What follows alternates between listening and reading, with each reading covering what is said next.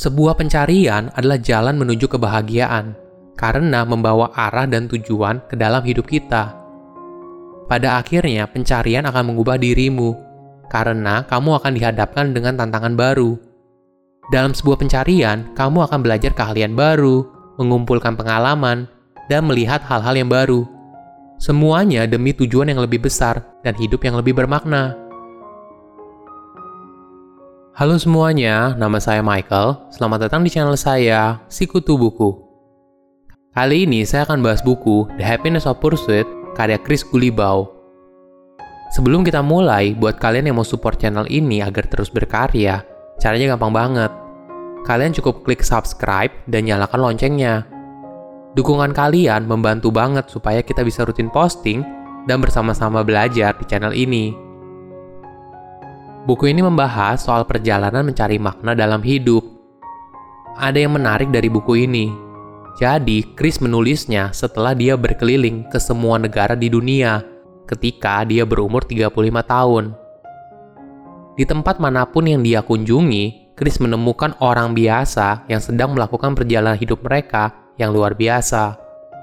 Misalnya, seperti seorang ibu rumah tangga yang punya mimpi liar di bidang kuliner, atau seorang DJ yang memproduksi simfoni terbesar di dunia.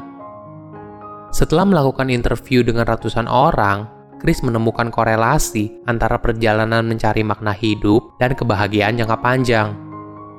Buku ini merupakan panggilan agar kita mengambil kendali atas hidup kita sendiri dan melakukan pencarian yang akan mengisi hidup kita dengan makna, tujuan, dan banyak petualangan. Saya merangkumnya menjadi tiga hal menarik dari buku ini. Yang pertama, dengarkan ketika dunia memanggilmu. Menemukan panggilan jiwamu sendiri memang tidak selalu mudah. Terkadang kita membutuhkan sebuah peristiwa untuk memicunya. Beberapa pencarian dari panggilan hidup muncul dari ketidakpuasan. Chris menjelaskan hal ini dengan sederhana Ketika ketidakpuasan bertemu dengan ide besar dan kemauan untuk mengambil tindakan, maka akan menghasilkan petualangan baru. Misalnya, meskipun Juno Kim memiliki pekerjaan yang oke sebagai teknisi di Korea Selatan, dia merasa tidak puas dan tidak bahagia dengan hidupnya. Apa ide besarnya? Dia ingin meninggalkan segalanya dan pergi keliling dunia. Pada saat itu, sebagian besar backpacker adalah orang barat – tetapi dia rela keluar dari zona nyamannya. Kim berani bertindak dan mengikuti panggilan jiwanya. Hingga akhirnya dia sukses menjadi travel blogger yang terkenal dan bisa keliling dunia. Bukan cuma ketika dihadapkan dengan ketidakpuasan, terkadang sebuah pencarian dipicu oleh meningkatnya kesadaran kita tentang kematian. Begitu kamu mulai memikirkan akhir kehidupan, kamu mungkin mulai menjalani hidup setiap hari sepenuhnya seolah-olah itu adalah hari terakhirmu. Itulah yang dialami oleh pencinta burung Phoebe Schnezinger. Ketika dia didiagnosis menderita kanker kulit dan diberitahu bahwa dia hanya punya waktu satu tahun untuk hidup. Menyadari bahwa masih ada banyak hal yang ingin dia lakukan, dia menjadwalkan perjalanan ke seluruh dunia. Pada akhirnya, dia mampu melihat langsung dan mendokumentasikan lebih dari 8.300 spesies burung dan mengalahkan rekor tertinggi dunia saat itu. Setiap orang memiliki panggilan jiwanya sendiri. Kita hanya perlu bersedia untuk mendengarkan apa panggilan itu dan mengikutinya dengan segala yang kita miliki. Apa pun yang kamu dengar, apabila itu penting buatmu, ikuti saja ke mana panggilan itu memanggilmu. Tentu saja memilih pencarian apa yang ingin kita jalani juga tidak mudah kamu harus mampu membuat kriterianya sejelas mungkin. Buatlah kriteria yang dapat diukur, menantang, butuh kerja keras, dan perjuangan untuk mencapainya. Semakin jelas apa yang ingin kamu lakukan, maka kamu akan semakin mudah untuk menuliskan langkah apa saja untuk mencapai pencarianmu tersebut. Kedua, bijak dalam menghadapi penolakan dan pengorbanan. Tidak semua orang akan setuju dengan apa panggilan jiwamu. Itulah hal yang indah tentang kehidupan. Setiap orang berbeda. Kamu mungkin tidak setuju dengan pilihan orang lain. Jadi, jangan berharap semua orang setuju dengan pilihanmu. orang lain akan memberitahu kamu kalau mimpi kamu hanya khayalan saja, impian bodoh, dan tidak mungkin tercapai. Tapi ingat, mereka yang berkata seperti itu biasanya merupakan orang yang menjalani hidup biasa-biasa saja. Saking takutnya dengan kegagalan, mereka bersedia menjalani hidupnya yang membosankan seumur hidup. Tentu saja tidak ada yang 100% aman, dan setiap usaha besar apa pun pasti melibatkan sejumlah resiko tertentu. Tergantung pada sifat pencarian itu sendiri, kamu mungkin bisa terluka atau bahkan meninggal. Kamu mungkin kehilangan pekerjaan, bangkrut, dan harus meninggalkan kenyamanan yang kamu miliki saat ini. Tapi tentu saja, semua hal itu dapat terjadi pada dirimu, bahkan jika kamu tidak mengejar pencarian apa pun. Tidak ada yang pasti dan 100% aman di dunia. Maka itu, jangan biarkan resiko menghalangi kamu untuk bergerak maju. Yang paling penting adalah kamu harus mempersiapkan dan memitigasi resiko yang mungkin muncul di kemudian hari. Seperti pepatah kuno yang berkata, kamu bisa memiliki apa pun yang kamu inginkan selama kamu bersedia membayar harganya. Hal lain yang kamu perlu pahami adalah adanya trade-off.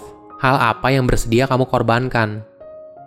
Semakin besar pencarian yang ingin kamu jalani, maka semakin banyak pula hal yang harus kamu korbankan untuk mencapai tujuan tersebut. Tentu saja kamu ingin menjalankan banyak hal sekaligus, tapi cara seperti itu kurang tepat. Jika kamu memiliki dua pencarian yang ingin kamu jalani, pilih salah satu yang paling menarik.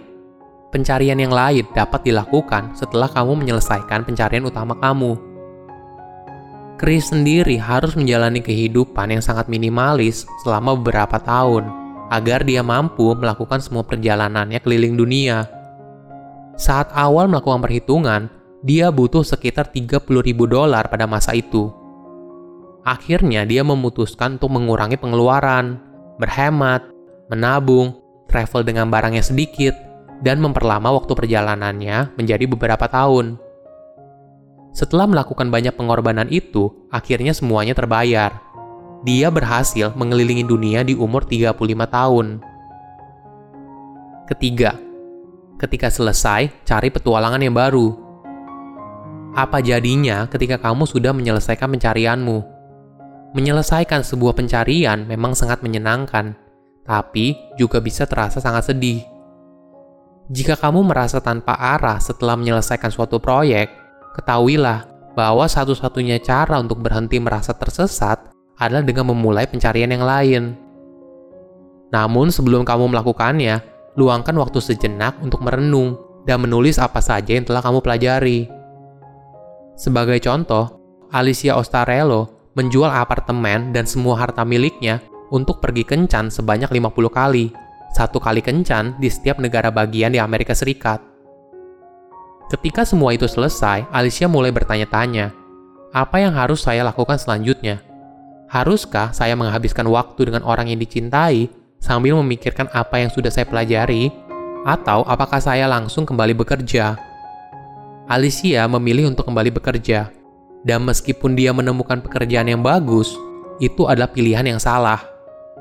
Alicia tidak bisa fokus dalam pekerjaannya karena dia belum memproses apa yang dia alami selama pencariannya. Beberapa orang mungkin tidak akan memahami pencarian yang kamu jalani. Kenapa ini penting buat kamu? Kenapa kamu mau mengejar hal ini? Keluarga, teman, dan kenalanmu mungkin berpikir kamu sudah gila. Seperti contoh, mungkin banyak orang yang berpikir Alicia sudah gila karena melakukan hal-hal yang biasanya tidak dilakukan oleh orang lain Ya nggak apa-apa. Kamu tidak melakukan hal ini untuk mereka. Kamu melakukannya untuk dirimu sendiri.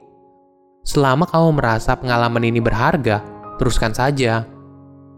Sebuah pencarian adalah jalan menuju kebahagiaan karena membawa arah dan tujuan ke dalam hidup kita. Pada akhirnya, pencarian akan mengubah dirimu karena kamu akan dihadapkan dengan tantangan baru. Dalam sebuah pencarian, kamu akan belajar keahlian baru, mengumpulkan pengalaman, dan melihat hal-hal yang baru. Semuanya demi tujuan yang lebih besar dan hidup yang lebih bermakna. Silahkan komen di kolom komentar pelajaran apa yang kalian dapat ketika baca buku ini. Selain itu, komen juga mau buku apa lagi yang saya review di video berikutnya. Saya undur diri, jangan lupa subscribe channel YouTube Sikutu Buku. Bye bye.